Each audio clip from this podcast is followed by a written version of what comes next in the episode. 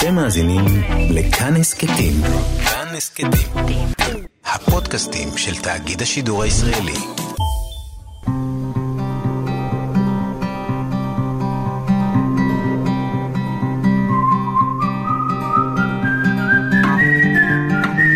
אחת פלוס חמש. אורחים וספרים עם ענת שרון בלייס. אבל אני חושבת שהספרות מראה לנו שיש פגמים בעולם. אנחנו יכולים ללכת לפעמים עם עקרונות, ולפעמים העקרונות גם יהיו צודקים, ובכל זאת העולם הרבה יותר מורכב, והניואנסים, והחירות של בני אדם, שאותה אולי צריך לכבד ולהסתכל על הצרכים של אדם אחר, על התפיסה המאוד רחבה של חיי אדם, כי מה זה חיים בלי משמעות. שלום לכם, מאזינות ומאזיני כאן תרבות, ימי בין כסה לעשור, הימים הנוראים, כך גם מכנים אותם, עשרת ימי תשובה, בין ראש השנה ליום הכיפורים. ובחרתי לשוחח היום על uh, מערכת היחסים בין הספרות למוסר, לטוב ולרע. או אם להשתמש בשם הספר של האורחת שלי, חוקרת הספרות פרופסור עדיה מנדלסון מעוז, לשוחח על הספרות כמעבדה מוסרית. זה שם הספר שלך. שלום עדיה. שלום. משני היבטים לפחות את uh, כותבת על הספרות כמעבדה מוסרית, מהצד של הכותב בראש ובראשונה, מי שיצר את הספר, וגם מן הצד uh, שלנו, הקוראים והקוראות. ואנחנו לא בהכרח רואים את המוסר אה, או את המעשה המוסרי, מי שכתב או מי שקרא עין בעין. ואת הגעת לפה גם כדי לשוחח על הנושא הזה, אנחנו תכף נפתח אותו, ודרכו בעצם לפרוס בפנינו חמשת uh, ספרים שהשפיעו עלייך, שאהובים עלייך, שגם כתבת עליהם במחקרים שלך, שהם קרובים לליבך, ולנסות uh, בעזרת הטקסטים והמילים היפות של הסופרים והסופרות להבין מה בין ספרות ומוסר. ואולי השאלה הראשונה שאני רוצה להפנות אלייך, שאלה כללית, כותרת כללית. ספרות צריכה להיות מוסרית בכלל? אז זהו, אז זאת שאלה מאוד מאוד uh, עתיקה. עתיקה כמו הוויכוח uh, העתיק בין uh, אריסטו לאפלטון. Uh, כזכור, אפלטון היה uh, נגד uh, אומנות שלא תהיה מחנכת. הוא חשב שהאומנות יכולה לגרום לאנשים אה, לשלוט בה, באשליות. כן, רצה להרחיק את האומנים מן המדינה, נכון. כי הם עלולים אה, לעשות אה, תוהו ובוהו אה, מוסרי. נכון, ולעומת זאת אריסטו הוא זה שפיתח את ה... אה, את הפואטיקה ופיתח את התפיסה של אה, אומנות כאסתטיקה. אבל אני חושבת שכאן באמת אפשר לחזור למה שאוסקר ויילד כתב בסוף המאה ה-19, בהקדמה להקדמה המפורסמת לתמונתו של דוריאן גריי, שהוא כן. כתב, אין ספר מוסרי או בלתי מוסרי, ספרים כתובים היטב או כתובים רע, זה הכל. יש לך עוד ציטטות יפות אה, בפתח הספר שלך, למשל של די.אייג' לורנס, ליידי צ'אטרלי, הספר הידוע שלו, שעשה שערוריות, בדיוק כמו שאוסקר ויילד עשה עם הספרים שלו והיותו הומו שערוריות ואפילו נכלא. אז אה, לורנס אמר, אם מנסים לקבוע את הרומן במסמרות, או שהרומן מת, או שהוא קם והולך לו משם עם המסמר. אנחנו רואים סופרים אחרי סופרים שבעצם כל פעם שבאו ודנו אותם באמות מידה מוסריות, או שהספר הגיע איתם לבתי המשפט, וגם זה קרה. אמרו, תעזבו אותנו, זאת יצירת בדיון, וזו התפקיד של האומנות, להפליג מאיתנו והלאה ולשרטט את כל האפשרויות האנושיות ואת כל הרע והאנטי-מוסרי שיש. זה בדיוק התפקיד של האומנות. נכון, אני מסכימה לגמרי, ולכן כשאנחנו מדברים על ספרות ומוסר, או ספרות ואתיקה, אני רוצה לה, להציע איזושהי גישה אחרת, לא גישה ששופטת את הטקסט. שוב, ברגע שאנחנו שופטים את הטקסט, אנחנו נכנסים לעמדות הדוגמטיות. כן. ואני רוצה לומר, לא חייבים, כשאנחנו מדברים על ספרות ומוסר, להציג עמדה דוגמטית. אנחנו יכולים גם להציג דבר אחר. אנחנו לא חייבים לדחות את העיסוק הזה, אנחנו צריכים לעשות אותו בצורה אחרת. כשנשות מיטו, לא כולן, אבל חלק מהן אומרות, לא צריך לקרוא את לוליטה. צריך לצנזר אחורה ספרים. צריך מאוד לקרוא את לוליטה. ואני חושבת שחלק מה, מהדוגמאות שאנחנו נעסוק כן. פה, היום, גם אם לא נתייחס באופן ספציפי ללוליטה, מסבירות למה כן צריך לעסוק בלוליטה. משום שיצירת הספרות מאפשרת לנו התנסויות שונות, התנסויות אולי, בוא נגיד, בסוג של מרחב מוגן, כן. אה, שבהחלט יכולות אה, להיות ביקורתיות, להיות uh, מעניינות, לאתגר את המחשבה שלנו, לאתגר את, uh, את הערכים שלנו, לאתגר את האופן שבו אנחנו חושבים על uh, מוסר ואתיקה. ולכן, בוודאי שצריך לקרוא, והרבה מאוד יצירות, uh, הרבה מאוד יצירות ספרות מתארות, מהתנ"ך גם, כמו שאנחנו יודעים, מתארות עניינים שהם לא מוסריים. וחשוב, חשוב לקרוא אותם, וחשוב גם להסתכל עליהם בצורה, לא בצורה דוגמטית, בצורה ביקורתית, בצורה מעניינת, מה הם בכל זאת נותנים לנו, אה, ואיך הם פותחים את הדיון מבחינתנו, הדיון אה, המוסרי. עכשיו, אנחנו גם באמת תכף אה, ניגע בנושא הזה של האתיקה של הבדיון, מה שאת קוראת, זאת אומרת, מה הטקסט, הכתוב, היצירה עושה לי, ואתיקה של קריאה, מה אני עושה כקוראת בחזרה לטקסט, כי יכול להיות שאני קוראת שם דברים שהסופר לא התכוון. אליהם, אבל אה, אולי לפני שבאמת ניכנס לספרים, מה שעוד מעניין אותי זה הנושא הזה של חרמות. חרמות מכיוון אחר, זאת אומרת, יש יצירה נהדרת, היוצר אה, זכה לשבחים בימי חייו, פתאום מגלים שהוא עשה איזשהו מעשה נוראי.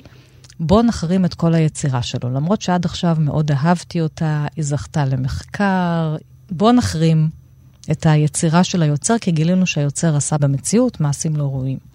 כן, אז כמו שאת תיארת את הקריאה של הבידיון, או הדרך שבה קור, אה, קוראים, קוראים את אה, יצירת הספרות, אה, אני מרגישה שצריך להשאיר את היוצר בצד. ולא מעניין אותי מה הוא עשה בחיים הפרטיים יכול להיות שמעניין אותי, יכול להיות שזה יעניין מחקר מסוים, כן. אפשר לעשות, זה לגיטימי לעשות מחקר כזה, אבל כשאני באה להתייחס אל יצירת הספרות ולראות מה היא אומרת לנו על המחשבה שלנו, על האתיקה שלנו, על יחסי הכוחות בתוך החברה, על, על איך היא מאתגרת את הקטגוריות שאנחנו חיים לפיהן, כרגע, כרגע היוצר לא מעניין אותי. אמ, אולי אבל עוד איזושהי שאלה אישית, יש מישהו או יוצר או יוצרת שאת תסרבי לכתוב עליהם? חושבת שתגיעי למצב כזה, או היית במצב כזה? לא, אבל לא. אני כותבת רק על יצירות שאני אוהבת. אני אף פעם לא אכתוב, אני אף פעם לא אכתוב על יצירה שאני, יצירה, לא יוצר, אני כרגע כן. מדברת. אני אף פעם לא אכתוב על יצירה שאני לא אוהבת ולא חושבת שהיא טובה. אני חושבת שאין בכך טעם. אה, אני לא באה בשביל, בשביל לרמוס יצירה, אני באה כן. בשביל לראות מה היא נותנת לנו, ובמובן הזה אני כן מציעה עמדה פוזיטיביסטית. טוב, אז אנחנו דיברנו על האהבה והמחקר שלך דרך האהבה, אז uh, נתחיל עם איזשהו ספר uh, שבא אלינו מתרבות אחרת, נער קריאה.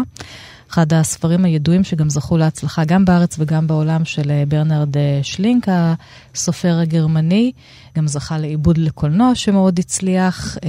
סיפור אהבה בין נער צעיר לאישה בוגרת אחרי מלחמת העולם השנייה.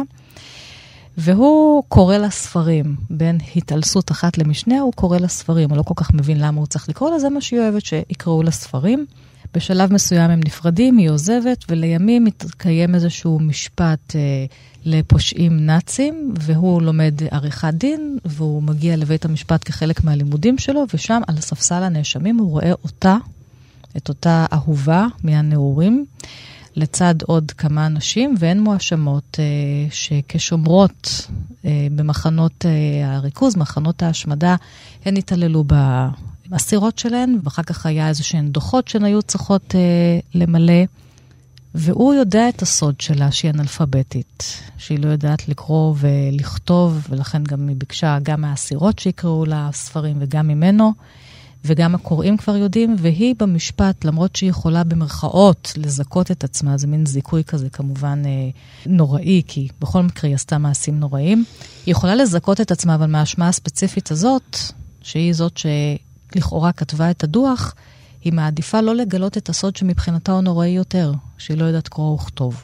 זאת אומרת, יש פה שני שיקולים מוסריים. באמת תיארת מאוד יפה את, ה... את הבעיה. אמ, אני חושבת שמהלך היצירה, ולא בהתחלה, כמו שאמרת, לוקח זמן עד, שה, עד שמיכאל, הגיבור, כן. מבין כן. מה, מה קרה. הוא גם בהתחלה לא מבין למה הוא מקריא לה, הוא חושב שזה כן. חלק מתוך המשחק הזה ביניהם. אה, ובמהלך היצירה מתחיל להיבנות הסיפור חיים של, של אנה דרך העיניים שלו. זה מאוד מעניין שאנחנו רואים את זה דרך העיניים שלו. הוא מזהה בעצם שני סיפורים שיש להם ערך מוסרי שונה.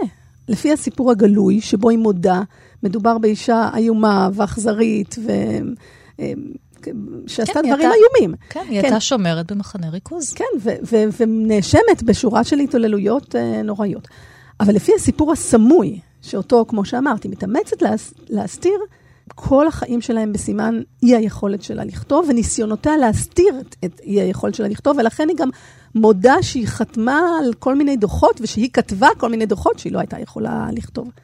מודה במהלך המשפט. מודה במהלך המשפט. ואחד הקטעים שאני אוהבת בספר, זה קטע שבו אה, מיכאל אה, מבין מה קרה במשפט, והוא מבין שהיא לא יודעת לקרוא, ו, ו, והוא מבין למה היא מודה בכתיבה של הפרוטוקולים, והוא מרגיש שהוא רוצה לעשות משהו.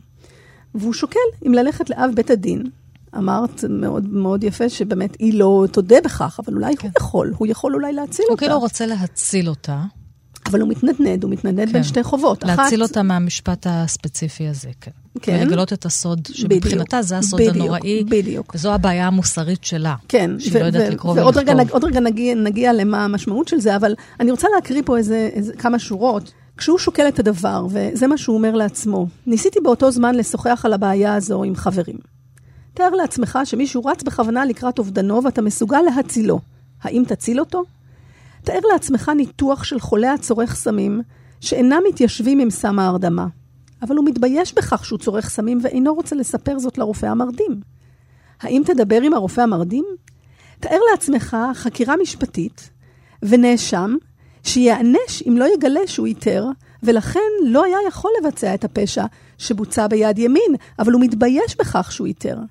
האם תגלה לשופט את האמת? תאר לעצמך שהוא הומוסקסואל, שכהומוסקסואל לא יכול היה לבצע את הפשע, אבל הוא מתבייש בהיותו הומוסקסואל. עכשיו, אם אנחנו מסתכלים על צורת, הד... הדיון כאן, הוא מנסה ליצור איזושהי הכללה, אבל דווקא היצירה עושה משהו מעניין. הוא מחליט שלא לעשות את זה. הוא מחליט שלא לעשות את זה. ו... זאת הבחירה המוסרית שלו. זאת הבחירה שלו. והבחירה הזאת גם מעוררת אותנו לשאול, מה בעצם זה אומר לנו על התרבות שממנה היא באה? התרב... בתרבות שממנה היא באה יותר חמור לא לדעת לקרוא ולכתוב, מאשר לבצע פעולות כאלה? זאת אומרת, החברה שלה לא יכולה, יכולה לעכל את ההשתתפות שלה במעשים האלה, יכולה לעכל את זה, אבל לא לעכל את זה שהיא לא יכולה לכתוב ולקרוא. ואני חושבת שזה חלק מתוך הכתיבה של אה, ברנרד שלינג, שהוא נולד ב-44 לאחר המלחמה, והוא עוסק, אה, הוא גם סופר וגם שופט בעצמו, ובספר הזה, כמו גם ביצירות אחרות שלו, הוא מנסה לטפל בעבר, ולא דרך שיפוט, ולא דרך התנצלות, ולא דרך אשמה, אלא באמצעים אחרים. ואם יש משהו מאוד מאוד יפה, זה העמידה של מיכאל, שהוא יותר צעיר, אולי בן דורו, מול הדמות הזאת, ואם הזכרנו את לוליטה, גם פה איך אנחנו יכולים להזדהות עם, ה, עם, ה, עם אנה? הרי היא מפלצת, ואנחנו כן, ואנחנו אנחנו זהו, כן, אנחנו מזדהים אנחנו איתה. כן מזדהים את מזדהה איתה. את רוצה שהיא תגיד שהיא תציל את עצמה, שהיא לא תגיע לבית הסוהר, כי אנחנו נכון, כבר חצי וג... ספר עברנו והתאהבנו בה, ו... ולא רק זה, גם הסוף, היא בעצם, כשהיא נמצאת בכ... בכלא, הוא שולח לה הקלטות, ובעצם היא לומדת לקרוא ולכתוב, נכון. זה איזשהו סי... סיום ככה, מין אה, אה, סיום כל כך מלא חמלה ביחד.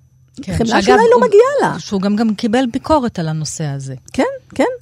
איך אתה, אבל... כות, כאילו, איך אתה כותב ויוצר דמות כזאת שאנחנו אמורים לחלו, אה, לחמול עליה, והיא התעללה באסירות במחנות ריכוז והייתה אה, אחראית למותן. אבל אני חושבת שמה שהוא מנסה לומר לנו זה באמת על המבט של מיכאל. כן. המבט של מיכאל בדור האבות, עם כל האשמה ועם כל הבושה, איך, איך הוא מסתכל עליה, ואיך דרך ההסתכלות עליה אנחנו יכולים להסתכל על אנשים אחרים, וכאן אולי אה, כדאי אפילו להכניס את... אה, את אה, קצת את הפילוסופיה של לוינס, כן. שמאוד ככה הזהיר... עמנואל לוינס, הפילוסוף היהודי הצרפתי, שדיבר כן. על האחריות שלנו כלפי האחר. כלפי האחר, והאחר הזה הוא אחר שאנחנו לא מבינים אותו. הוא לא אחר שהוא דומה לנו. הנטייה שלנו, ולוינס מז, מזהיר מפני מה שהוא קורא האימפריאליזם של השווה. זאת אומרת, אנחנו מסתכלים על האחר ואנחנו מבינים אותו על יסוד האופן שבו הוא דומה לנו, וכאן לא, לא דומה, קשה, לא מובן, לא ברור. זה לא אדם שאנחנו נאהב אותו, לא אדם שאנחנו חייבים להסכים איתו, זה לא אדם שאנחנו מזדהים איתו. אנה היא לא אחת שאנחנו יכולים, ש, שאנחנו יכולים להבין אותה דרך העולם שלנו. ומיכאל לא יכול להבין אותה דרך העולם שלו, ובכל זאת, ובכל זאת הוא פונה אליה ומלווה אותה עם כל הקושי שבדבר, ולא מפריע לה לבנות את הסיפור הגלוי שלה, של החיים שלה, ולהסתיר את הסיפור הסמוי שלה, וככה הוא בעצם גם גואל אותה בסופו של דבר, כשהוא נותן לה את ה... עוזר לה ללמוד אה, לקרוא ולכתוב. אגב, הקריאה והכתיבה, והכתיבה היא גם משהו שאפשר לראות ביצירה הזאת, כמו ביצירות אחרות, שככל שהיא לומדת לקרוא ולכתוב, היא גם תבין יותר טוב כמה, כן. כמה נורא הדברים שהיא עשתה. זאת אומרת, איזושהי, כביכול הבערות גם משפיעה על, ה, על, על, השיקול, על השיקול המוסרי, או על התבונה המוסרית. ולכן לפני החופש היא בוחרת... אה, ליטול את חייה, מתאבדת ולמעשה מענישה את עצמה, ככה הסופר פותר את הבעיה נכון. המוסרית. והספר הזה כאמור גם מאוד הצליח וגם uh, עורר uh, איזה שהן סערות וביקורות, מאחר שכולם, אני חושבת, כל הקוראים, כולל אני, הרגשנו שאנחנו מזדהים עם אותה uh, סוהרת נאצית. טוב, אנחנו נשמע קצת מוזיקה ונמשיך.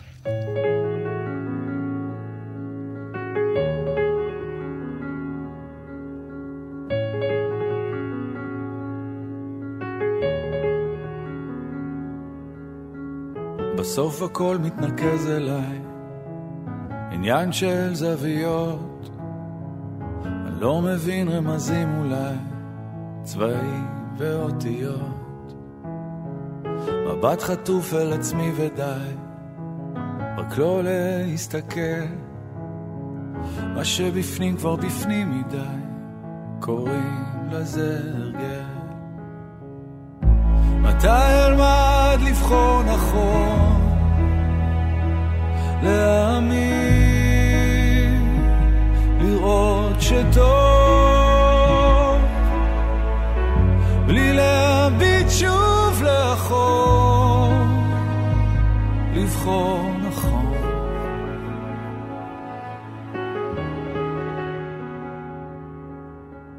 אותו הכל מדבר אליי פוגש בי בלילות, הולך מבלי להבין לאן, האם אדע לחזור? מבט חטוף מסביב ודי, יותר כבר לא אפול. יש ילד שמסתכל עליי, קוראים לזה לגדול. מתי אלמד לבחור נכון? להאמין שטוב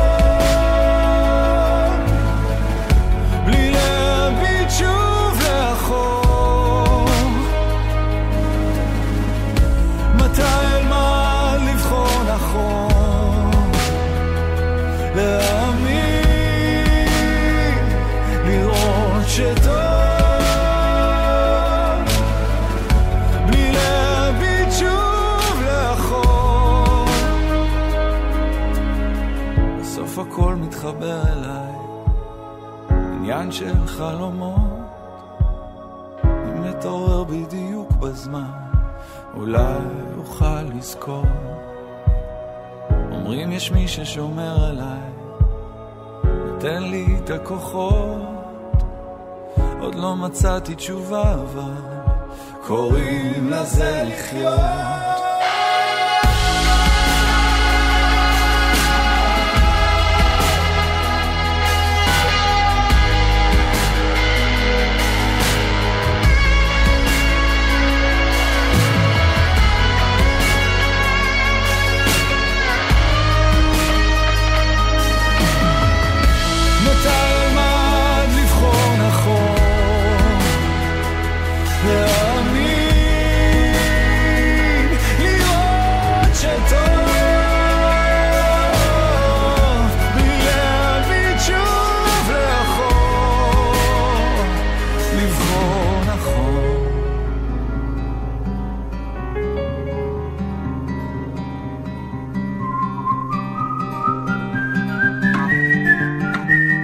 כאן תרבות, אחת פלוס חמש, איתי באולפן, אורחת אחת עם חמשת הספרים המשפיעים והאהובים עליה, והיום בימים שבין ראש השנה ליום הכיפורים, ימי חשבון הנפש, אני מארחת את פרופסור עדיה מנדלסון מעוז, שעוסקת בספרות ומוסר, ועכשיו אנחנו נדבר על הספר השני. נחזור אל התרבות שלנו, אל מסע אל תום האלף של א' ב' יהושע, שמחזיר אותנו אל האלף הראשון שמסתיים. נכון. ושם אה, משפחת בן עטר, הצפון אפריקאית. אה, בן עטר הסוחר היהודי העשיר שנשוי לשתי נשים, יוצא למסע לאירופה, לפגוש את האחיין שלו, שנשוי לאישה אחת. והוויכוח המוסרי הוא האם זה בסדר להיות נשוי לשתי נשים, או זה לא בסדר. חרם דרבנו גרשום, שזה מעשה לא מוסרי. כן. זה הוויכוח שעומד בלב הספר, שהוא גם אחר כך מתפתח לוויכוח אה, של הבדלים תרבותיים, מזרח ומערב. אז באמת, אני... וגם פה, אם דיברנו על משפט, גם פה יש... אה, גם פה יש משפטים. משפטים נכון. ובתי משפט. גם פה יש בתי משפט, וזה אה, נכון שבאמת הסוגיה של ריבוי הנשים היא הסוגיה שעומדת במרכז הספר, אבל מבחינה, דווקא ניתוח אתי של הספר, יתייחס לדברים אחרים, והזכרת כאן באמת את ה... את שתי התרבויות המאוד מאוד שונות. הנה, גם כאן, כמו בספר הקודם, כשאמרנו איך אנחנו יכולים לנסות להבין את אנה, איך אנחנו יכולים כאן לנסות להבין את בן עטר, שיש לו שתי נשים? הרי בעצם אנחנו נגד, אה, אנחנו כולנו נגד ריבוי נשים, זה דבר נורא ריבוי נשים. המסע הזה מתחיל בכלל בגלל שאשתו היחידה של אותו אחיין אבולעפיה אומרת לו, תפסיק את כל הקשרים שיש לך עם אותו דוד, כי הוא נשוי לשתי נשים, והוא רוצה להשפיע עליך, ודברים כאלה, היא חוששת כן. כזה, ולכן זה בכלל מתחיל, ולכן הוא, הוא, הוא נוסע כדי להפיס את רוחה. נכון ונקלע מאוד. למשפטים האלה. נכון היא אומרת מאוד. לו, לא, יהיה. אם אין לך רק אישה אחת, אני לא רוצה קשר משפחתי ועסקי איתך. נכון. אה, ולמרות, שוב, למרות שאנחנו כולנו נגד ריבוי נשים, ביצירה הזאת אנחנו מוצאים את עצמנו אוהבים מאוד את בן עטר. כן. בן עטר הוא דמות אה, נעימה, גם דמות מוסרית, החיים שלו הוא מתואר לפרטי פרטים, איך הוא דואג למשפחה, מתואר לפרטי פרטים, איך הוא מחלק את, ה, את השלל, את הכסף של, של המסחר, בינו לבין השותף ה, ה, המוסלמי, לבין כן, ה... הוא אדם ישר, הוא אדם- הוא, אד... הוא מתייחס כל כך יפה לנשים שלו, שאין גברים שמתייחסים ככה לאישה אחת. נכון, ואנחנו אוהבים אותו. כן. כן. אנחנו אוהבים אותו, ו, וכאן בעצם מגיע הכוח של הספרות לשים אותנו במקום שאנחנו לא בחרנו. לא בחרנו להיות במקום הזה. הרי, מה, אנחנו נהיה בעדו עכשיו? איך זה יכול להיות? אבל אנחנו אני כן. יכולה לחשוב על, אה, גבר, על גברים יכולים להיות בעד. יכול להיות, יכול להיות, אבל אולי אנחנו אנחנו נמצאים- יכולות הפוך, את יודעת, להיות בעד שני גברים. אבל אנחנו, זה בדיוק, כן. מה, זה בדיוק מה שהספרות נותנת לנו, לא להסתכל על הדברים שחור ולבן, אלא לראות את המורכבות. כשאנחנו מדברים על מה אנחנו רוצים, איפה הספרות וה, וה, והמוסר, או הספרות והאתיקה מתחברים, הם מתחברים בדיוק, אני אוהבת לצייר את זה כאיזשהו משולש. התיאוריות המוסריות הן מאוד רציונליות ומובנות ומאוד מאוד ברורות. החיים עצמם הם מאוד, הם, יש בהם הרבה לכלוך, הרבה כן. דברים נוספים. אי אפשר באמת לזקק אותם לבדיוק המעשה המוסרי והעובדות וה, והטענות המוסריות. והספרות איפשהו באמצע, משום שהיא גם, יש בה את, ה, את החומר הגולמי של החיים, אבל מצד שני היא מסודרת מאוד. אה, אבל היא באמת יכולה ליצור אצלנו אה, אה, קונפליקטים. למשל, זה קונפליקט שהקורא מתמודד איתו. הקורא מתמודד עם האהבה של, אהבה לבן עטר והערכה שלו לעומת התרבות האשכנזית המאוד מאוד סגורה, מאוד דוגמטית, מאוד... הכל שם שחור, הכל שם אה, נורא נורא נוקשה. אה, למרות שאנחנו אולי לא בעד אה, ריבוי אנשים. אבל אה, לא רק, לא רק עניין ריבוי אנשים עולה פה. כמובן, כפי, ש, כפי שהזכרנו, הדברים האלה גם, גם מתייחסים בצורה אה, של אה, מעין אלגוריה לתרבות הישראלית, לאשכנזיות ולמזרחיות, לאופן שבו האשכנזיות אה, אה, מרגישה את עצמה כמוסרית יותר, נכונה יותר, שכלתנית יותר, מתקדמת יותר מן התרבות המזרחית. אנחנו רואים את זה, הם מגיעים מצפון אפריקה, והחיים שלהם שוקקים ותוססים, ומתייחסים אליהם כאילו הם משהו הם לא הבינו. ואני חושבת שמה שבולט מאוד ביצירה הזאת, זה הכוחניות הזאת. אה, ואני אני רוצה עוד מעט לקרוא את אחד מהקטעים אה, המאוחרים יותר בספר, כאשר האישה השנייה מתה. זאת אומרת, יש כאן הכרעה שהיא לא רק הכרעה מוסרית נגד ריבוי אנשים, זה הכרעה נרטיבית. האיש... הורגים בעצם, הפתרון, כן. הורגים, היא אמנם לא הורגים יכול, אותה כן. ממש, היא חולה, אבל, אבל ברגע שלקחו את הלגיטימיות מהאישה השנייה, אין לה מקום ולכן היא חולה והיא מתה. וברגע שהיא מתה, אפשר לקיים את השותפות. זאת אומרת, יש כאן איזשהו מחיר כל כך כל כך כבד. כך בעצם אה, א' ב' יהושע מוצא פתרון. מוסרי. כן, אבל, אבל זה, זה פתרון כואב, כן. וזה פתרון שיש מאחוריו ביקורת מאוד מאוד קשה כלפי החברה האשכנזית. שם. אחר כך עומד בן אתר שקט ובחשיכה גמורה ליד גופת אשתו הצעירה, ועיניו משוטטות על שרטוטים עפרפרים של קשת קפואה, ועל צללית של פה פעור ונדהם, והוא מהרהר לא רק על הפרידה הסופית, שמתרחשת על מיטה צרה, ובבית זר, בעיר גבול נוצרית קודרת ועצובה, שגם אם לא ישוב אליה, ילווה אותו זיכרון אימתה במשך כל ימי חייו, אלא במפתיע הוא חושב גם על אבולעפיה. אחיינו ובן חסותו, שאינו משער עכשיו במקום הימצאו, שכישלון שותפות הלב והגוף, שנטל הדוד על עצמו בשביל לכפר את חטא תביעתה של האישה הקדומה, הוא שמחדש עכשיו בזעם ובחימה, אבל בתנופה כפולה את השותפות המסחרית שנקטעה ביניהם. כאן הוא יוצר בדיוק את החיבור. זה לא מקרי שהאישה מתה ממחלתה. היא מתה ממחלתה כדי לאפשר את השותפות. זאת אומרת, בוא נאמר, אנחנו, שאנחנו אוהבים את התרבות אה, הצפון אפריקאית ביצירה, היא בעצם נכנעת כן. לתרבות האשכנזית, ואנחנו רואים את שנת האלף בעצם כאיזושהי נקודת, נקודת מהפך. אם עד הנקודה הזאת, התרבות הצפון אפריקאית הייתה התרבות התוססת, ואילו באירופה, מי כבר היה שם? לא היה שם כלום. עכשיו הדברים הולכים ומתהפכים, והתרבות החזקה, שאחר כך תשתמש בכל חוליי הקולוניאליזם, אה, גם הממשי וגם הערכי, אה, כאן זה מתחיל. ולא בכדי זה לא רק עניינים של אה, נישואים ואהבה ושתי נשים או אישה אחת, אלא עסקי, כסף. זאת אומרת, מתחת לכל הדברים האלה, קבור או לא קבור הנושא הזה של הכסף, שהופך את כל, ה... עושה, הופך את כל המתח הזה בסופו של דבר למשהו שמשפיע על הגוף, על הנפש ולמוות. נכון. אז זה מסע על תום האלף, עוד אחד מן הספרים שאת בודקת במעבדה המוסרית שלך, והספר השלישי יחזיר אותנו אל המאה ה-20. אחת פלוס חמש, אורחים וספרים עם ענת שרון בלייס. חיוך הגדי, הרומן הראשון של אה, דוד גרוסמן, לא הספר הראשון, הרומן הראשון שלו. אני רוצה לצטט דברים שגרוסמן אמר בריאיון בשפה האנגלית, אני כמובן מתרגמת לעברית, לספר שנקרא ספרות ומלחמה. ואני מאוד אוהבת את הציטוט הזה. אני לא יודעת אם הוא קיים במקור אחר, אבל אני מאוד אוהבת אותו, ועוד מעט נבין למה הוא רלוונטי כאן ובכלל. וככה הוא כותב, מה הציפיות שלי מסופר? שיהיה פתוח, שיסתכן, שיעז לחשוף את עצמו למורכבות של האויב. זה מה שסופר צריך לעשות. לא להתחבא מאחורי סטריאוטיפים. זה קל מדי, זה מה שעושים העיתונות, במיוחד בישראל ובפלסטין. אז נניח שאני כותב על פגישה בינך לביני.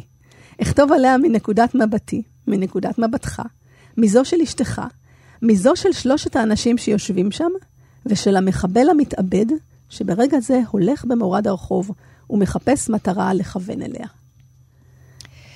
אפשר לכתוב את הכל, כך בעצם אומר גרוסמן. ואם אנחנו רוצים כן. לכתוב משהו, אנחנו יכולים לעשות תרגיל כן. שבו אנחנו כותבים מנקודות מבט שונות את הדבר. דליה רביקוביץ' עשתה תרגיל כזה פעם וכתבה איזשהו סיפור קצר על מחבל שיושב אה, באוטובוס וממתין אה, להתפוצץ, וגם על זה כמובן קמה כל אה, צעקה גדולה. אז אני חוזרת אל הגיבורים, אורי, כצמן והאישה שביניהם שוש, ואנחנו מדברים על שנת, שנות ה-70.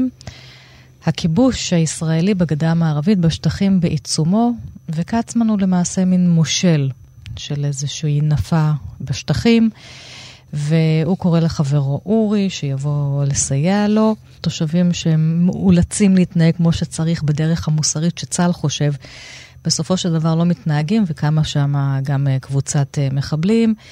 ואחד מהם זה איזדי שנהרג. ואיזדי הזה הוא בן מאומץ של חילמי, שהוא מין שוטה הכפר כזה, איש זקן שפרש וגר לו במערה.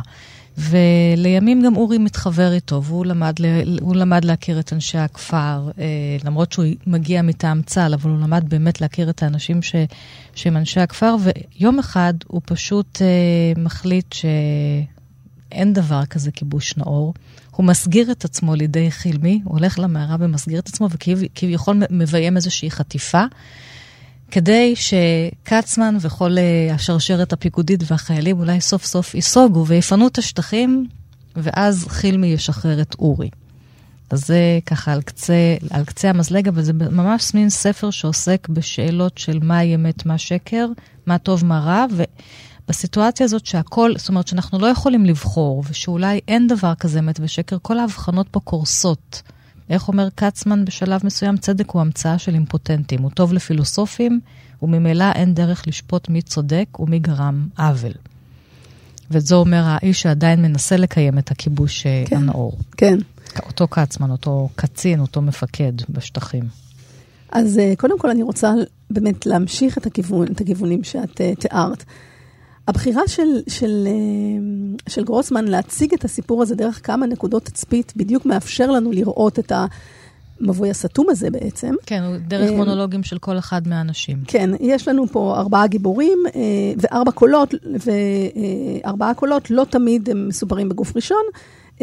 צריך להגיד שהרומן הזה ראה אור ב-1983, עוד לפני פרוץ האינתיפאדה השנייה, אבל הוא ממש מבשר, כי הוא מציג התבוננות שאנחנו רגילים לראות אותה קצת יותר מאוחר בספרות הישראלית.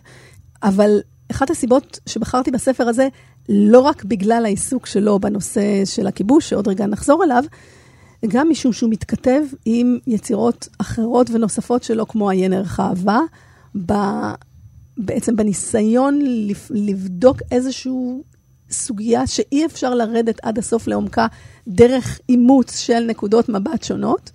וכמובן אישה בורחת מבשורה, אנחנו הזכרנו את המשולש של אורי כצמן ושוש, ובאמת אפשר, אה, בגלל זה מאוד היה חשוב לי להביא את הספר הזה, כי הוא קצת נשכח, כן. ואני חושבת שאם קוראים אותו עכשיו, גם לנוכח אישה בורחת מבשורה, ואפילו עובדים על שני הטקסטים האלה, מגלים שיש בהם... דמיון uh, גדול. דמיון גדול. Uh, ומה שמעניין בהקשר הזה של הדמיון הזה, זה ששני הגברים צריכים אחד את השני. זאת אומרת, ה, ה, שני הגברים האלה בעצם uh, לפעמים מתנגדים, לפעמים משלימים, אבל הם לא יכולים אחד בלי השני. ו... כשעל פניו אורי עושה את המעשה המוסרי לכאורה, וכצמן הוא האיש הרע. קצמן הוא לא איש רע, קצמן הוא ניצול, קצמן הוא ניצול כן, שואה. הילד אומרת, הנרדף הפך אבל להיות אה, קצ... איש רודף.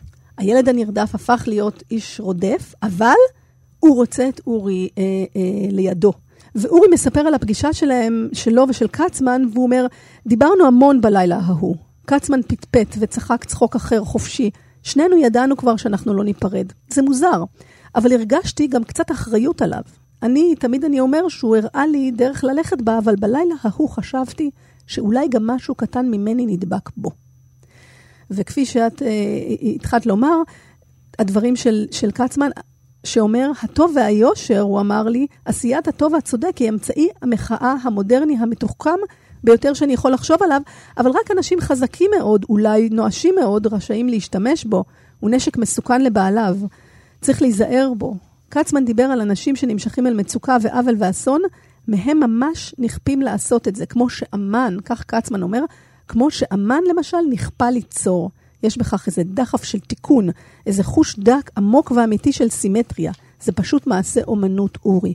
ואורי הוא בעצם האומן, בגלל זה הוא גם מוציא את עצמו, מה, הוא לא משחק את המשחק. וקצמן בעצם מזמין את אורי לעבוד איתו, והוא אומר, אני צריך אותו בשביל לשמור עליי.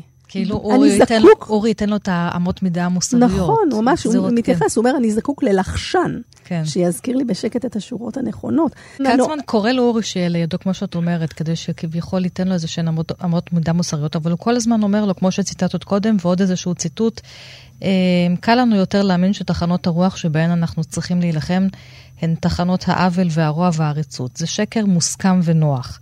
אלה הם המפתחות השחוקים והמוכרים למוסר שלנו. בתחנות האלה האנושות באמת נלחמת בעוצמה כזו או אחרת, היא מחנכת את ילדיה לראות בהן אויב. כן, העוול והעריצות. היא שולחת בשמחה את הדון קישוטים להרג על הכנפיים שלהן. ואז הוא ממשיך, אה, אם אני מבין טוב את מה שאבא שלי חשב, אבא שלו, של כצמן, כן. אה, מראה שאנחנו צריכים לחפש את האויבים הקטלניים ביותר שלנו דווקא בתוכנו. כן. אז הוא כל הזמן גם מתווכח איתו, על זה מתווכח. שבסוף אין אמת ואין מוסר. הוא מתווכח, אבל בסופו של דבר הוא זה שיאבד את החיים שלו. כן. זאת אומרת, הוא צריך להציל את, את אורי, והוא כן. זה שימצא את המוות שלו, ולא, ולא אורי. זאת אומרת אה, שזה הפתרון של דוד גרוסמן בסופו של דבר. אורי, שכן חשב שאולי יש מקום לחילמי לעשות מעשה התקוממות, הוא זה שנשאר בחיים. כן. חילמי זה, זה דמות אפשר גם לדבר קצת על חילמי, חילמי היא דמות מאוד מאוד מעניינת. הוא גר בשולי הכפר, הוא בעצם... אתם, אין לו בית, הרי אי אפשר להרוס לו את הבית. והוא מספר סיפורים, כן. והוא מספר סיפורים, ו, וזה צורת ההתנגדות שלו. כן. ההתנגדות שלו היא דרך החיבור לאדמה, דרך העובדה שהוא גר במערה. ו- ודרך הסיפורים סיפור. שלו, שהם גדולים הרבה יותר. ו- ו- זה הסיפור, הוא מספר את הסיפורים של ההיסטוריה ושל התרבות. אפשר להאשים אותו קצת באוריינטליזם, זו דמות שהיא דמות מאוד uh, ברורה, מאוד פשוטה, כן. מאוד פרימיטיבית, אבל היא מציגה משהו לגבי ההתנגדות, ואורי, נעים לו להיות איתו. ו... אורי, אורי אמנם נשאר בחיים, אבל אורי בסופו של דבר די נכשל במה שהוא ניס... הרי הוא לא הצליח להפוך את הכיבוש לנאור. זאת אומרת, כן, הוא ניסה... כן, הכיבוש נמשך והוא, לא, ניס, והוא לא כן, הצליח. כן, הוא ניסה, הוא ניסה אבל זה, זה, זה, זה לא באמת באמת אה, עובד. אז זה חיוך הגדי, תחזרו לספר הכל כך אה, מיוחד הזה, עם המבט הכל כך מפוכח וחד של דוד גרוסמן.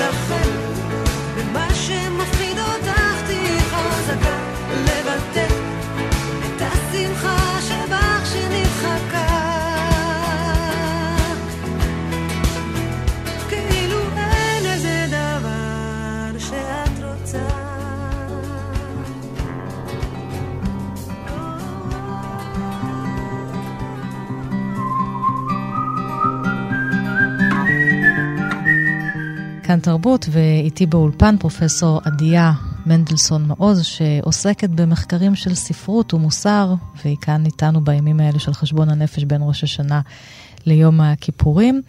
והספר הבא, הספר הרביעי שהבאת בין האהבות שלך, הוא ספר שאת גילית אותו. הרומן סבון של יורם אה, קניוק, שהתפרסם אה, לפני שנה, את דאגת לפרסם אותו בידיעות אה, ספרים ב-2018.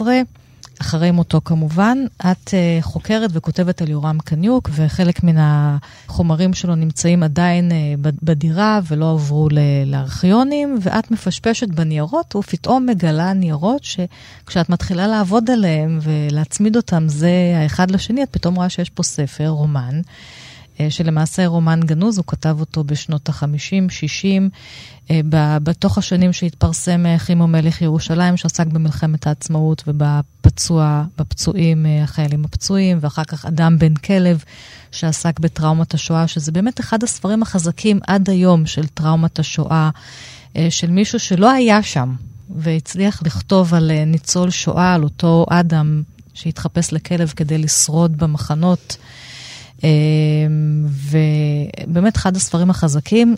אז ביניהם מסתתר הרומן הגנוז סבון, שגם יש בו ארבעה גיבורים, שלושה צברים ואישה, אחת ניצולת שואה, והימים הם הימים הירושלמים אחרי מלחמת העצמאות. נכון. וכל אחד מהם מנסה ככה לקדם את חייו בירושלים, שאחרי, אה, שאחרי המלחמה. נכון, אז באמת סבון זה רומן של אחרי מלחמה, ורומן שהוא בצל שתי טרגדיות, של הטרגדיה של, 1900, הטרגדיה של השואה והטראומה של 1948, של המלחמה. וכולם, כביכול, יושבים בבתי קפה, יש להם חיים טובים, אבל כולם... יש מדינה. יש מדינה, כאילו הכל בסדר, אבל הם, הם לא באמת יודעים איך חיים אחרי, אחרי הדבר הזה. הסיפור הוא באמת סיפורם של ארבעה חברים, יוסף, שהוא יליד תל אביב, שעולה לירושלים אחרי המלחמה כדי ללמוד כימיה. במהלך המלחמה הוא לא היה אה, בשדה הקרב, לא היה בשדה הקרב, וזה מאוד חשוב עוד רגע למה שאני רוצה לומר, העובדה שהוא לא כן, היה. כן, הוא התעסק עם לקבל משלוחי רובים, לנקות כן, אותם. כן, לנקות, מילוי רימונים וכולי. אבי, החבר שלו, דמות מאוד אה, אה, אמוציונלית, מאוד מוחצנת, אה, שהוא, אה, שהיה לוחם. אה, שעכשיו מנסה ללמוד ציור בבצלאל, התחום היחידי שאין לו בו כישרון. אה, ומתל אביב אה, לירושלים מגיעה גם איה, שהיא צברית יפהפייה, שכולם אוהבים אותה, והם מתחברים עם רותי, שהיא ניצולת שואה. בחורה שקטה, מאוהבת ביוסף, וגם הוא מתאהב בה ומתחתן איתה. גם לומדת אומנות. ואגב, הנושא הזה של השואה אומנות. נמצא בשם של הספר, סבון. מאוד נמצא בשם של הספר ובכלל. עשו מהיהודים בשואה. נכון, אלא החבורה מצטרף גם אדם רייט, שהוא חייל אמריקאי שלמד תמיד במלחמות, לחם תמיד במלחמות הצודקות, אבל בצד הלא צודק. למשל, הוא גירש אוניות מעפילים, ועכשיו הוא בעצם מחליט, הוא מתאהב באיה ומחליט לנטוש את הצבא הבריטי. והדמות של של יוזף, שהוא אבא של רותי, בעצם גרסה מוקדמת לאדם בן כלב. אה, מה שמעניין בספר הזה, ואני, את הזכרת בהתחלת הדברים את חשבון הנפש. הספר הזה הוא ספר uh, של חשבון נפש. הדבר שמעניין כאן, בהקשר המוסרי, זה החיבור בין טראומה לבין אשמה. ואצל קניוק, כולם אשמים. ממש, כולם. ואני רוצה לקרוא קטע מהיצירה, ואני אעשה את זה בדילוגים. אה, אבי ואיה, אבי החבר התוסס ואיה היפהפייה, נוסעים בג'יפ הצבאי של אה, ינוקה לתל אביב, ומספרים סיפורים מהמלחמה. הם אוהבים שם מאוד לספר סיפורים מהמלחמה. ינוקה מתחיל ומספר על בחורה שהכיר, וכשהגיעה לביתה, נכנסה לחדר אימה של הבחורה, ושאלה אותו שאלות. ברגע שהתברר לה ש... ש... שהוא... שהוא והבן שלה נפלו ביחד, אה, הפנים שלה משתנים, ומתחילה לשאול את ינוקה מה, מה קרה. ואז ינוקה אומר, את מבינה? הוא פנה עכשיו אל איה כמבקש מוצא. מה באמת היה? הבן שלה היה ילד בן 17, שעלה לשם עם קבוצה של ירושלמים, שנשלחו כתגבורת וחיל מצב. אני הכרתי אותם היטב מפני שהייתי מפקד מחלקה, אבל לא רציתי שהאימא הזאת תדע, שאת הכדור לא קיבל בנה מערבי, אלא דווקא מאחד משלנו, שירה בו כדי שלא יברח מרוב פחד ויפקיר את המקום. אז כבר ינוקה בעצם יוצר, יוצר חיבור בין, ה, בין הנופל לבין החיילים האחרים, לא, מקד, לא מקליע של אויב. ולאחר מכן, מגיע תורו של אבי, ואז הוא מספר את הסיפור שלו, סיפור דומה. לאחר שחלפו על פני סיבוב באבל וואד וראו מרחוק את המסרק הנפלא, החל אבי לדבר. מה שאבי אמר היה למעשה סיכום משעשע למדי, סוגריים, לא משעשע, אם לא ניקח בחשבון את הטרגיות התמונה דווקא על פני השטח של מערכת היחסים כולה. ועתה הגיע אבי לקטע המותח ביותר. אבי ודן היו נצורים. דן היה אה, הבעל של איה, והוא מת במלחמה. לאחר שהקרב של נבי חמורין חוסל ורוב האנשים נהרגו, נשארו הם שניהם לבד. נותרו להם שני רימוני יד. והם החליטו, מאחר שראו שאין כל דרך להינצל, להישמע להוראות מפקדם. אולם הם חרגו מעט מהשגרה, והחליפו את הרימונים. כלומר, אבי נתן, נטל את הרימון של דן, ודן את רימונו של אבי. אולי כדי שלא יהרגו את עצמם. דן בכה ויילל, ואבי הפציר בו לנהוג כגבר. הם נפרדו, התרבצו משני צדדיה של אבן ענקית, פתחו את הנצרות, ואחר כמה שניות הרעידה התפוצצות מחרידה את המקום. אבי, שהיה בטוח שהוא מת, חש לפתע שתי נמלים מטפסות על פניו, ונוכח לדעת, לתימהונו הרב, שהוא כלל לא מת. לאחר שבחן את המצב, גילה שדן מרוסק מעבר לסלע. הרימון של אבי לא התפוצץ. נס. נס המתרחש פעם במיליון פעמים. מישהו שכח לשים חומר נפץ ברימון.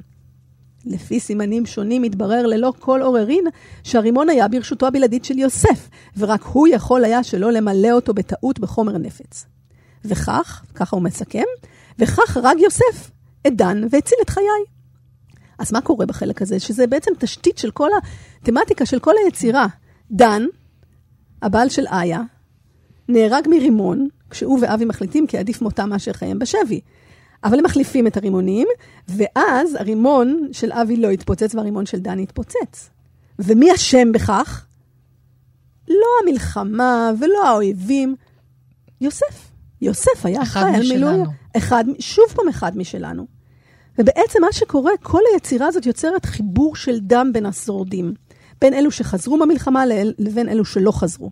ששוב ושוב הוא כל הזמן אומר, זה לא לצורך העניין הערבים שהרגו. לא. את... זה, זה לא- אנשים לא... משלנו. נכון. כל הזמן כותב את הדברים ו- הללו. וכל הגיבורים, אם אנחנו נסתכל על כל הגיבורים, אז זה אבי שהחליף את הרימון, הוא היה אמור להתפוצץ ולא כן. דן. וזה יוסף שלא מילא את הרימון. וזה ינוקה, שמודה שהחייל הצעיר מת מכוחותינו. וזה רותי, שהרגה את הפצוע האנוש. כן. אה, אה, וזה כמובן, אה, וזה כמובן אדם רייט, שלחם בשירות הצבא הבריטי ועשה דברים איומים שהבריטים עשו כאן. וזה גם, וזה גם איה, שכל הנשים במשפחתה מתו בלידתם, והנה היא לא מתה, אבל התינוק שלה מת, מת, וכך היא גם הרגה אותו. וכמובן, מעל כולם, הדמות של יוזף, האבא של רותי, שאשם בכך שהוא שיתף פעולה עם הנאצים, והוא משכנע את עצמו שנהג נכון, כשהוא ליווה בעצם אה, במוזיקה את, ה, את, ה, את האנשים, כולל את אשתו ובתו הצעירה אל, אל, אל, אל תאי הגזים. מה, ש, מה שקניוק עושה כאן, ואנחנו יכולים אחר כך לראות איך זה מתגלגל, גם בחמו מלך ירושלים וגם באדם בן כלב, יש איזה חיבור מאוד חזק בין השואה לבין 48, וכל הדמויות נמצאות אשמות. ואז לכן הוא לא פרסם את הרומן, מה הוא כתב, ישב, על זה אגב השאלה הראשונה שלי שאיתה פתחתי את התוכנית. הוא יושב וכותב את הדברים הללו, לפעמים מתוך השראה, לפעמים מתוך מחשבה, ואז הוא נבהל ממה שהוא כתב? אני חושבת, קודם כל, אני חושבת שאם אנחנו נסתכל על מה שקרה בסוף, ב-2010, בפרסום של תש"ח, כן. ואיך שתש"ח התקבל בתש"ח, הוא אומר את זה. כן. תש"ח זה סיפור על כוחותינו, זה לא סיפור על האויב. כן. זה סיפור על איך, המלח... על מכונת המלחמה הזאת. אה, ברור שבאותה תקופה זה, ככה לא דיברו על הדברים, אבל אני חושבת שהסיבה שהוא זנח את הספר זה לא בגלל שהוא נבהל מזה. אני חושבת שהוא מאוד רותק לדמות של יוזף, שאחר כך הפך לאדם באדם בן כן. כלב, הוא פשוט, יש איזה מין מנוף כזה כשהוא מתחיל לכתוב עליו, ואני חושבת שהוא פשוט רצה כבר לכתוב ספר כן. עליו. אז זה סבון עם השאלות המוסריות אה, שיורם אה, קניוק מעלה. ועכשיו, הספר האחרון, שוב אנחנו נעזוב את אה, גיאוגרפיה שלנו ונטוס לאנגליה, הפרפרה והגשומה. טובת הילד, ספר של איין מקיואין, הסופר הבריטי, שאני חושבת שכל הכתיבה שלו עוסקת בשאלות של מוסר ושל בחירה שנוגעים אה, לחיים ולמוות, ומכאן גם למשמעות החיים.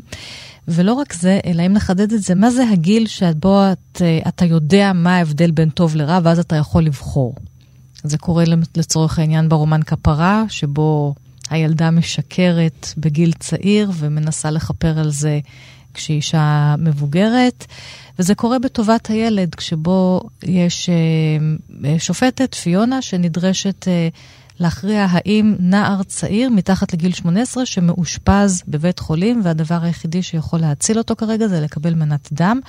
והמשפחה, ההורים שלו והוא מתנגדים כי הם שייכים לאיזושהי כת נוצרית שאסור לקבל תרומות, תרומת דם לפי ההלכה שלה. והיא יוצאת מבית המשפט, שהוא זה מעשה שאף פעם לא עושים, והיא אומרת, אני רוצה לשמוע מה אדם חושב, הנה גם השם שלו, אדם. מה אדם חושב? אני רוצה לדעת אם זה ההורים שלו השפיעו עליו, כי הוא בוחר בעצם במוות, הוא בחור צעיר, מלא פוטנציאל, או שזה באמת הוא. אבל בסוף, כשופטת, היא, החוק בידיה, והיא מחליטה שהיא תחייב את המשפחה ואת בית החולים, למרות הדת, לתת לו מנת דם, וכך היא מצילה את חייו. היא בוחרת עבורו. ומאותו רגע החיים שלו, הוא כאילו נולד מחדש, והחיים שלו מתהפכים, כי השופטת הזאת, מין אימא תחליפית, הצילה את חייו בניגוד למה שאימא שלו רצתה לעשות. נכון. בחרה עבורו במה שנראה לה המעשה המוסרי. אז uh, אני חושבת שהספר הזה, זה טוב מאוד שאנחנו סוגרים איתו, כי הוא באמת כן. מלכד כל מיני שאלות שאנחנו uh, דיברנו עליהן. ובאמת, מקיואן הוא סופר שמתכתב הרבה עם נושאים מוסריים, וחייבים לומר, יש פה משפט, ובאמת יש תחום מאוד מאוד מפותח של ספרות ומשפט, שבאמת דן בייצוג של משפטים ביצירות ספרות. אה, אבל אנחנו מסתכלים בצורה יותר רחבה. מבחינתנו, זה לא רק המשפט, זה כל הקונטקסט. ו- ומה שמקוון עושה פה וגם במקומות אחרים, הוא שואל הרבה פעמים שאלות שקשורות למקום של המרכז המערבי, האליטה הרפואית, המשפטית, מול כוחות אחרים. כוחות אה, מסורתיים, לא רציונליים, אה, כמו שהזכרנו, תרבויות שונות וכולי. זה נושא כמובן שעכשיו דיברנו עליו. כמו שדיברנו קודם במסע אל תומא מסע אל תומא אלף דיברנו עליו, נכון. אה, ובאמת השופטת, מה שהיא מציגה, היא מציגה עמדה מאוד מאוד ברורה ביחס למקום של המשפט, אה, כנותן, כבעל כוח להחליט בעצם, בעצם נגד ההורים. כבר, נגד ההורים לטובת, לטובת הילד. לטובת הילד, בדיוק. כך, כך זה מנוסח. עכשיו, טובת הילד, כמובן, אה, השם כמובן לקוח מתוך, מתוך, גם מתוך החוק וגם מתוך תפיסה נורמטיבית ומשפטית, שאנחנו רואים בילד ישות עצמאית שצריך לדאוג לה ולשים אותה במרכז, ולכן החברה והשופטים של החברה יכולה ואפילו צריכה במקרי קיצון לשקול את טובת הילד, גם כשהיא מבטלת את ההחלטה של ההורים, במקרה הזה זה מה שהיא עושה. אה, וכפי שאת תיארת, במקרה הזה היא מגלה מעורבות יוצאת דופן. והיא אומרת, הבחור הזה, עוד רגע ימלאו לו 18, אה, ואז בעצם הוא יוכל להחליט בעצמו. זה שבמקרה, עוד, זה רק עוד שלושה חודשים, זה שם אותי כשופטת במקום כזה שאני, אולי אני צריכה לשמוע מה הוא אומר, ואז נוצרת איזו מערכת אה, מאוד מאוד אינטימית ביניהם, אה, כשהוא מנגן והיא אפילו שרה. והיא בעצם קצת ממוטטת את הקירות של הסמכות שלה, של המעמד שלה, בכך שהיא נכנסת, מקשיבה לנגינת הכינור, מציעה לו הצעה של לשיר אה, וכולי, והוא נכנס לליבה. וצריך להגיד שאין לה ילדים משלה, והיא חווה משבר בחיי הנישואים שלה. כך שגם מבחינה רגשית היא ככה מגיעה אליו כנראה מתוך איזושהי אה, אה, אהבה כן. שאין לה, שאין לה... אה, כל אחד מהם צריך משהו אצל האחר. כן, אבל מה שקורה זה שברגע שהיא מצילה אותו, היא מצילה אותו פיזית. אבל היא שוברת את כל החיים שלו. כן, הוא, את כל מה שהוא האמין בו. את כל מה שהוא האמין בו. בהתחלה הוא מרגיש שהאדם הוא כמו איזה רעל אצלו בגוף, כי זה דם של מישהו אחר, אבל אחר כך הוא אומר, רגע, אולי ההורים שלי לא אהבו אותי מספיק בעצם. איך הם ויתרו עליי? איך הם היו מוכנים לא לתת לי את המנת דם הזאת? ומה זה העדי יהובה והדת שאני, שמחזיקים? ואז הוא מתחיל לפעול נגדם, ואז הוא בעצם מגיע למצב שכל הערכים וכל ה... אה, הדרך חיים שלו מתמוטטת ואין לו תחליף, ואז הוא, הוא מגיע רוצה, אליה. הוא רוצה שית, שתהיה לו אם, שהיא תאמץ אותו, שהיא תיתן ממש, לו משמעות לחיים. הוא רוצה לגור אצלה, הוא כותב לה כן. מכתבים, כן. אה, והיא מצד אחד מקבלת ומצד שני דוחה, וברגע של שיא, מצד אחד מנשקת אותו, ואחר כך היא משלחת אותו, ובעצם חותכת את הקשר הזה. ואז מה שקורה זה, אחרי כמה חודשים, הלוקמיה חוזרת אליו, הוא כבר מעל גיל 18, מאשפזים אותו, ואז הוא מסרב לקבל את העירוי, הריאות שלו מתמלאות דם, והוא מת. וכשהיא מגיעה אליו ברגע האחרון, הוא אומר לה, I choose, אני בוחר. אני בוחר, עכשיו, עכשיו אני בוחר. בוחר במוות. נכון, ועכשיו אני רוצה לקרוא כמה שורות מסוף היצירה, כן. ואני חושבת שזה באמת מראה את הכוח של הספרות, לא רק בחריצת הגורלות המשפטית והעקרונות המשפטיים, אלא באמת במובן היותר רחב, אם דיברנו על מוסר ואתיקה, במובן היותר רחב של אתיקה ושל דרך חיים. וככה, וככה אה, נכתב, שם בבית המשפט, מכוח סמכותה וכבוד מעמדה, הציעה לו תחת המוות את כל החיים והאהבה שלפניו, וגם הגנה מפני דתו. בלי אמונה, כמה פתוח ונפלא ומבעית ודאי נראה לו העולם. אדם בא לבקש אותה, והיא לא הציעה לו שום דבר במקום הדת. שום הגנה. אף על פי שהחוק ברור, שיקול העל שלה הוא טובתו. כמה עמודים בכמה החלטות ופסקי דין הקדישה למושג הזה, טובת הילד. נדמה היה לה שאחריותה נעצרת ביציאה מאולם בית המשפט. אבל איך זה ייתכן? הוא חיפש אותה. רצה מה שכולם רוצים, ומה שרק בני אדם חופשיים בדעותיהם, ולא העל-טבעי יכולים להעניק. משמעות. הוא רצה משמעות, ואת זה היא לא נתנה לו. רצה משמעות כי הוא בעצם דרך הבחירה שלה נתלש מן הדת, מן המשמעות שהעניקה לו האמונה, וכשהוא ביקש משמעות אחרת, היא לא נתנה לו שום דבר, ולכן הוא בחר uh, במוות. אז גם השאלות המוסריות של מי שמנסה להציל מישהו אחר, וזה מחזיר אותנו גם לספר הראשון שדיברנו עליו, נער קריאה, מגיעות לפה. אולי בזה שהיא הצילה אותו, היא דווקא עשתה מעשה ש... שהוא, שהוא המעשה הלא מוסרי. אני לא הייתי חורצת, אני חושבת שהיא עשתה מעשה שהיא הייתה צריכה לעשות. כן. ואני גם לא יודעת אם היא הייתה צריכה ללכת, אני לא יודעת אם הייתה צריכה ללכת ולשבור את הקירות בין המערכת המשפטית. אני לא חושבת שהיא אדם, שמשהו, משהו שהיא עשתה היה פגום, אבל אני חושבת שהספרות מראה לנו שיש פגמים בעולם. וכמו שראינו גם ב, אה, אה, בחיוך הגדי, וכמו שאנחנו רואים גם בנער הקריאה, אנחנו יכולים ללכת לפעמים עם עקרונות, ולפעמים העקרונות גם יהיו צודקים, ובכל זאת העולם הרבה יותר מורכב, והניואנסים, והחירות של בני אדם, שאותה אולי צריך לכבד ולהסתכל על הצרכים של אדם אחר, על התפיסה המאוד רחבה של חיי אדם, כי מה זה חיים בלי משמעות. או שאם את בוחרת איזושהי בחירה שנראית לך מוסרית היום, יכול להיות שבעתיד היא תתברר כבחירה לא מוסרית. שזה גם תלוי uh, הקשר זמן ומקום. זה תלוי הקשר זמן ומקום, וזה גם, כמו שאנחנו רואים פה, גם תלוי תרבות. כן. איפה אנחנו נמצאים נמצאים בתרבות שלנו, האם אנחנו יכולים להגיד משהו לתרבות אחרת, האם אנחנו יכולים, ואם אנחנו אומרים משהו לתרבות אחרת, מה אנחנו עושים לתרבות הזאת? האם אנחנו באמת מאפשרים לה לבנות את עצמה בצורה אחרת, או שאנחנו פשוט דורכים עליה? אז יש עוד הרבה שאלות מוסריות וספרותיות מעניינות uh, בספרים uh, שלך. עדיה, פרופסור עדיה מנדלסון מעוז, תודה רבה שבאת לחלוק איתי את אהבת הספרות שלך. תודה רבה. הפרטים על התוכנית הזאת uh, בדף הפייסבוק שלי, ואת התוכנית הזאת ותוכניות נוספות של אחת פלוס חמש תמיד אפשר לשמוע ביישומון כאן, בכל האמצעים הדיגיטליים שלנו, שתהיה לנו שבת שלום. תודה לכם ולהתראות.